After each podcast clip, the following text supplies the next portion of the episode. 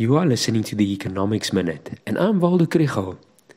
There's been a lot of speculation over the past week about the impact that the floods in KwaZulu Natal will have on the economy. One actually needs to be a bit more specific about the impact on which aspect of the economy. In terms of macroeconomics, the guesswork is an impact of between 0.1% and 0.2% of GDP.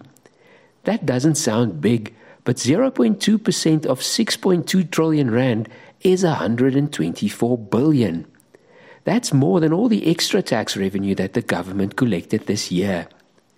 That 0.2% is derived from different sources.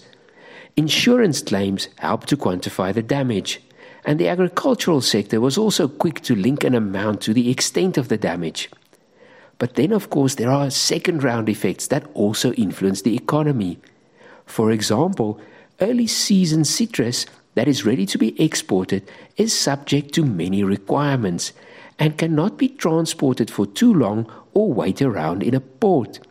So certain types of cargo are now rather shipped via Ngqura and Cape Town.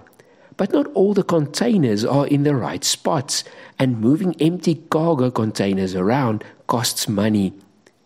Other freighters have decided to wait a week or two with their shipments to see if the backlog in Durban Harbour can be cleared.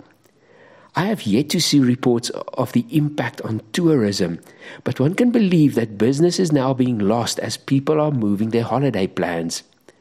All in all, it's a pity that this second setback has hit the province.